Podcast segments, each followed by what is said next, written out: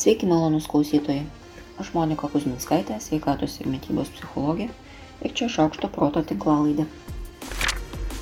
Šią savaitę rekomenduoju Celeste Headley knygą Menas nieko neveikti - kaip išvengti pervargimo, persidirbimo ir jausti gyvenimo pilnatvę, o taip pat kaip darydami mažiau galime pasiekti daug daugiau.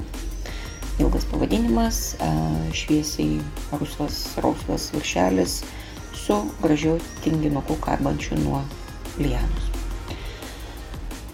Nėra lengvų sprendimų. Nėra savaime aišku, kas yra užsispyrimas ir darbštumas, o kas yra pervargimas ir perdėgymas, kas yra poilsis, o kas tinginystė. Todėl reikėtų apie tai ir galvoti, ir kalbėti, ir nuolat tikrintis. Tai nėra savaime suprantama ir tai, ką atrodo, pabrėžiu žodį atrodo, daro visi, nebūtinai mums yra geriausia alternatyva. Vis tiek norisi priminti, kad poilsis nėra nieko neveikimas, skrolinimas nėra poilsis, o nuolat būti užsiemus nėra vienareikšmiškai gerai. Linkiu gero skaitimo. Menas nieko neveikti.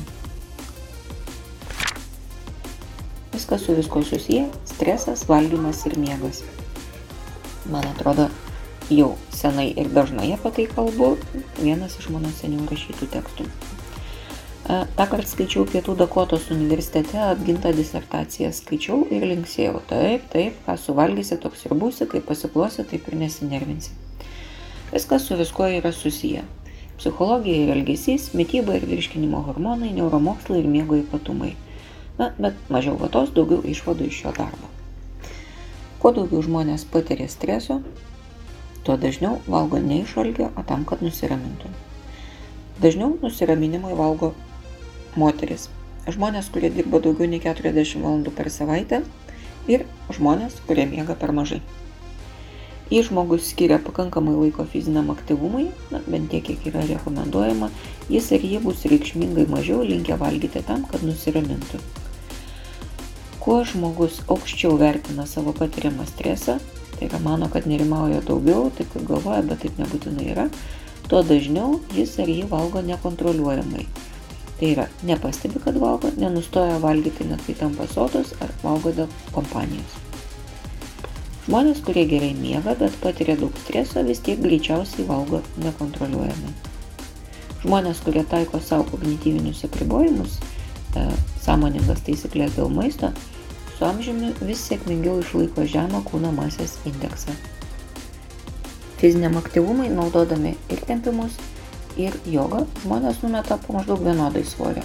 Tačiau jogą praktikuojantys žmonės žymiai mažiau valgo ramindami nerimą ir mažiau nekontroliuojamai valgo, lyginant su tempimo pratimus praktikuojančiais žmonėmis.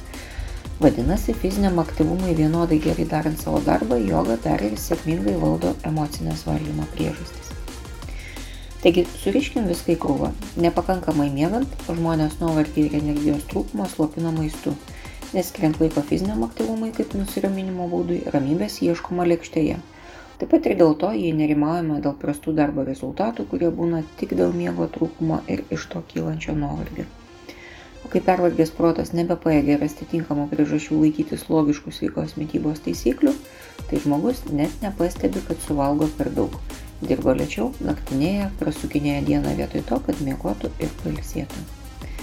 Viskas su viskuo yra susiję. Netai linkiu išsimiegoti, išsivaikščioti ir išalkti, o netaisyti tik po vieną šio trikampio kampą. Turėtų iškart būti geriau. Šiandien sutikau jau senai nematytą stereotipą. Esu tikra, kad jis dar neišnykęs, bet aš vis mažiau suprantu jo priežastis, todėl šį kartą labiau ne visada prašau pasidalinkit savo patyrimu, pastebėjimais ar įsitikinimais.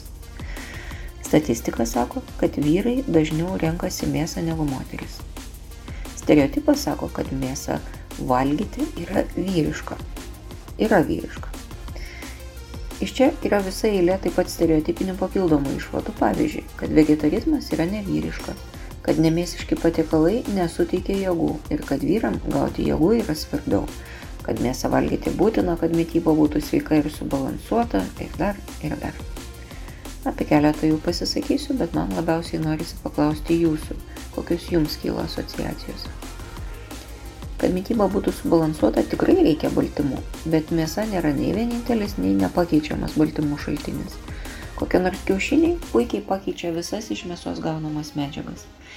Taip vadinamos jėgos dažniau siejamos ne su energijos lygio, su sotumo jausmu pavalgius, kurį lygiai taip pat sėkmingai gali suteikti ir riebesnis, lėčiau virškinamas maistas, nu, tarkim grybai, arba tiesiog didesnis maisto kiekis. Po tokio maisto ateina ne jėgų antplūdis, o jėgų trūkumas, nes jėgos perskirstomos ir jų reikia virškinimui. O jeigu jau taip, tai taip vadinamų jėgų antplūdį kaip tik sukurs cukrus. Kai kas yra patyrę, kad pavalgius labai saldžiai arba daug saldaus maisto užeina toks drebulys. Vyrams iš principo nereikia daugiau jėgų, Organizmo energijos ir maisto poreikis priklauso nuo to, kiek ir ko yra sunaudojama, o tai labai individualu ir dažniausiai priklauso nuo kūno dydžio ir aktyvumo. Aukštai sportiškai moteriškiai be jokios abejonės reikės daugiau maisto negu smulkiam sėdimą darbą dirbančiam vyriškiui. Na, vadinasi, jokio lytinio pagrindo skirstimų čia nėra. Net kalbant apie skonio suvokimą, lytinių skirtumų tikrai nėra. Yra kultūriškai susidėliojančios tradicijos Na, bet tai yra įpročiai ir kartuojant kitokį pasirinkimą lygiai taip pat susidėliotų kitoks įprotis ar kitokia tradicija. Tai kodėl valgyti mėsą gali būti vyriška, man taip dar ir lieka klausimas. Ne naujiena, bet vis tiek visada svarbus priminimas. Ir suaugusiems, bet taip pat ir vaikams bei paaugliams perfekcionizmas dažnai reiškia ir valgymo sutrikimus. Čia svarbi mintis yra ta, kad perfekcionizmas nebūtinai pasiūlo gerą sprendimą, bet visada pasiūlo labai radikalų. Kita svarbi mintis yra tai, kad perfekcionizmas būdingas ne tik suaugusiems. Vaikai gerai ir greitai ir visai nebūtinai racionaliai kartoja tėvų demonstruojamą elgesį su visomis iš jo išeinančiomis pasiekmėmis. Pasitikėjimo skaitmeninėje erdvėje klausimas yra aktualus daugybėje kontekstų. Taip pat ir dėl to, kad šiandien dažnas einam pasitarti su dirbtiniu intelektu darbo klausimais ar pasigūglinti, ką žmonės sako apie planuojamą pirkti skrudintuvą ar planuojamą lankyti terapeutą. Kad jau pasitikim internete rastomis apžvalgomis, norisi žinoti ir kodėl jomis pasitikime. Nors labai teoriškai žiūrint, jos gali būti ir kažkas užrašė ant tvaros lygio informaciją. Ir be abejo gali būti naudojama manipulacijai. Šio tyrimo autorius nustatė net 77 įvairius veiksnius, kurie veikia pasitikėjimą internetinė rekomendacija. Kai kurie labai aiškus - apžvalgos autoriaus moralė, patikimumas, apžvalgos kokybė, pozicijos nuoseklumas. Kai kurie kiti dar labai migloti, reikalaujantis papildomų tyrimų, tokie kaip meilio žmonėms, apžvalgos abipusiškumas ar emocingumas. Aš galvoju, kad ir aš nuolat einu pasitikrinti atsiliepimų dideliem ir mažiem dalykam. Ypač dideliem. Gal ir keista, bet neretai žiūriu į puslapio techninį tvarkingumą, kas man yra tolygų techniniai kompetencijai ir atsakomybei, ir gramatika, kas man yra tolygų atsakomybė už aiškumą. Bet čia tik man susidariusios asociacijos. Aišku, ir pati rekomendacija turi būti logiška, nes man atrodo, kad niekad sprendimo netiduodu rekomenduojantiem. Noriu suprasti ir nuspręsti pati. Man tai taip įprasta ir patogu. Ir jau būtų diskomfortas, jeigu neturėčiau tokios galimybės. O į ką žiūrite jūs? Ne kaip visada. Kartais tai skamba kaip nuotykis, o kartais kaip bėdos aušra. Kažkam tai trokštama kasdienybė, kažkam atostogos, o kažkam širpiausias košmaras. Bet šiaip ar taip smegenys nuolat ieško kažko naujo. Daugiau ar mažiau, kiekvienai savaip. Bet ieško. Nes tie, kurie nepatyrė nieko naujo, nesimokė, o tie, kurie nesimokė, na, tarkim, liko nedokumentuotos istorijos klostėsi.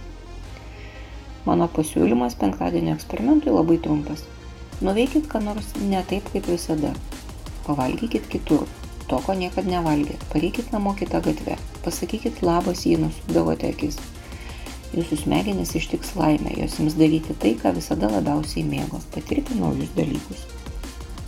Tai vadinasi orientaciniu refleksu, jeigu jau norėtųsi sausiau ir moksliškiau mes visada spontaniškai ir energingai reaguojame į bet ką, kas yra nauja.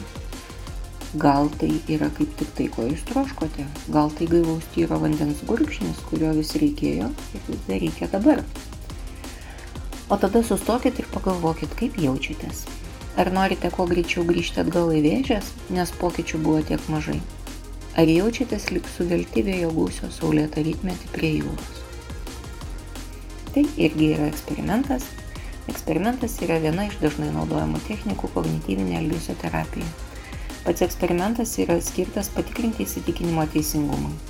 Įsitikinimai yra saliginai tvirti, bet nebūtinai teisingi sprendimai, kuriuos naudojam nekritiškai nebetikrindami kiekvieną kartą jų teisingumo. O klaidingi įsitikinimai gali metų metais mus vesti neteisingų kelių, taip ir nesuprantant, kas su manim, ar su kitais, ar su pasauliu yra negerai. Eksperimentas leidžia atpažinti klaidas įsitikinime ir stovint akistatoje su nauja informacija, jį pataisyti ir perkonstruoti iš naujo. Šiai savaitai tiek. Aš Monika Kuzinskaitė, sveikatos ir mytybos psichologė, padedu spręsti kasdienius ir sudėtingus elgesio, mąstymo ir emocijų klausimus. Rašau, skaitau paskaitas, teikiu psichologinės konsultacijas. Mane rasit socialiniuose tinkluose vardu Šaukštas Proto arba gyvai Vilniuje Gošlauto gatvėje.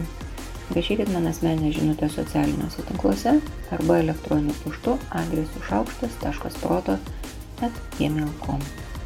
Taikos ir ramybės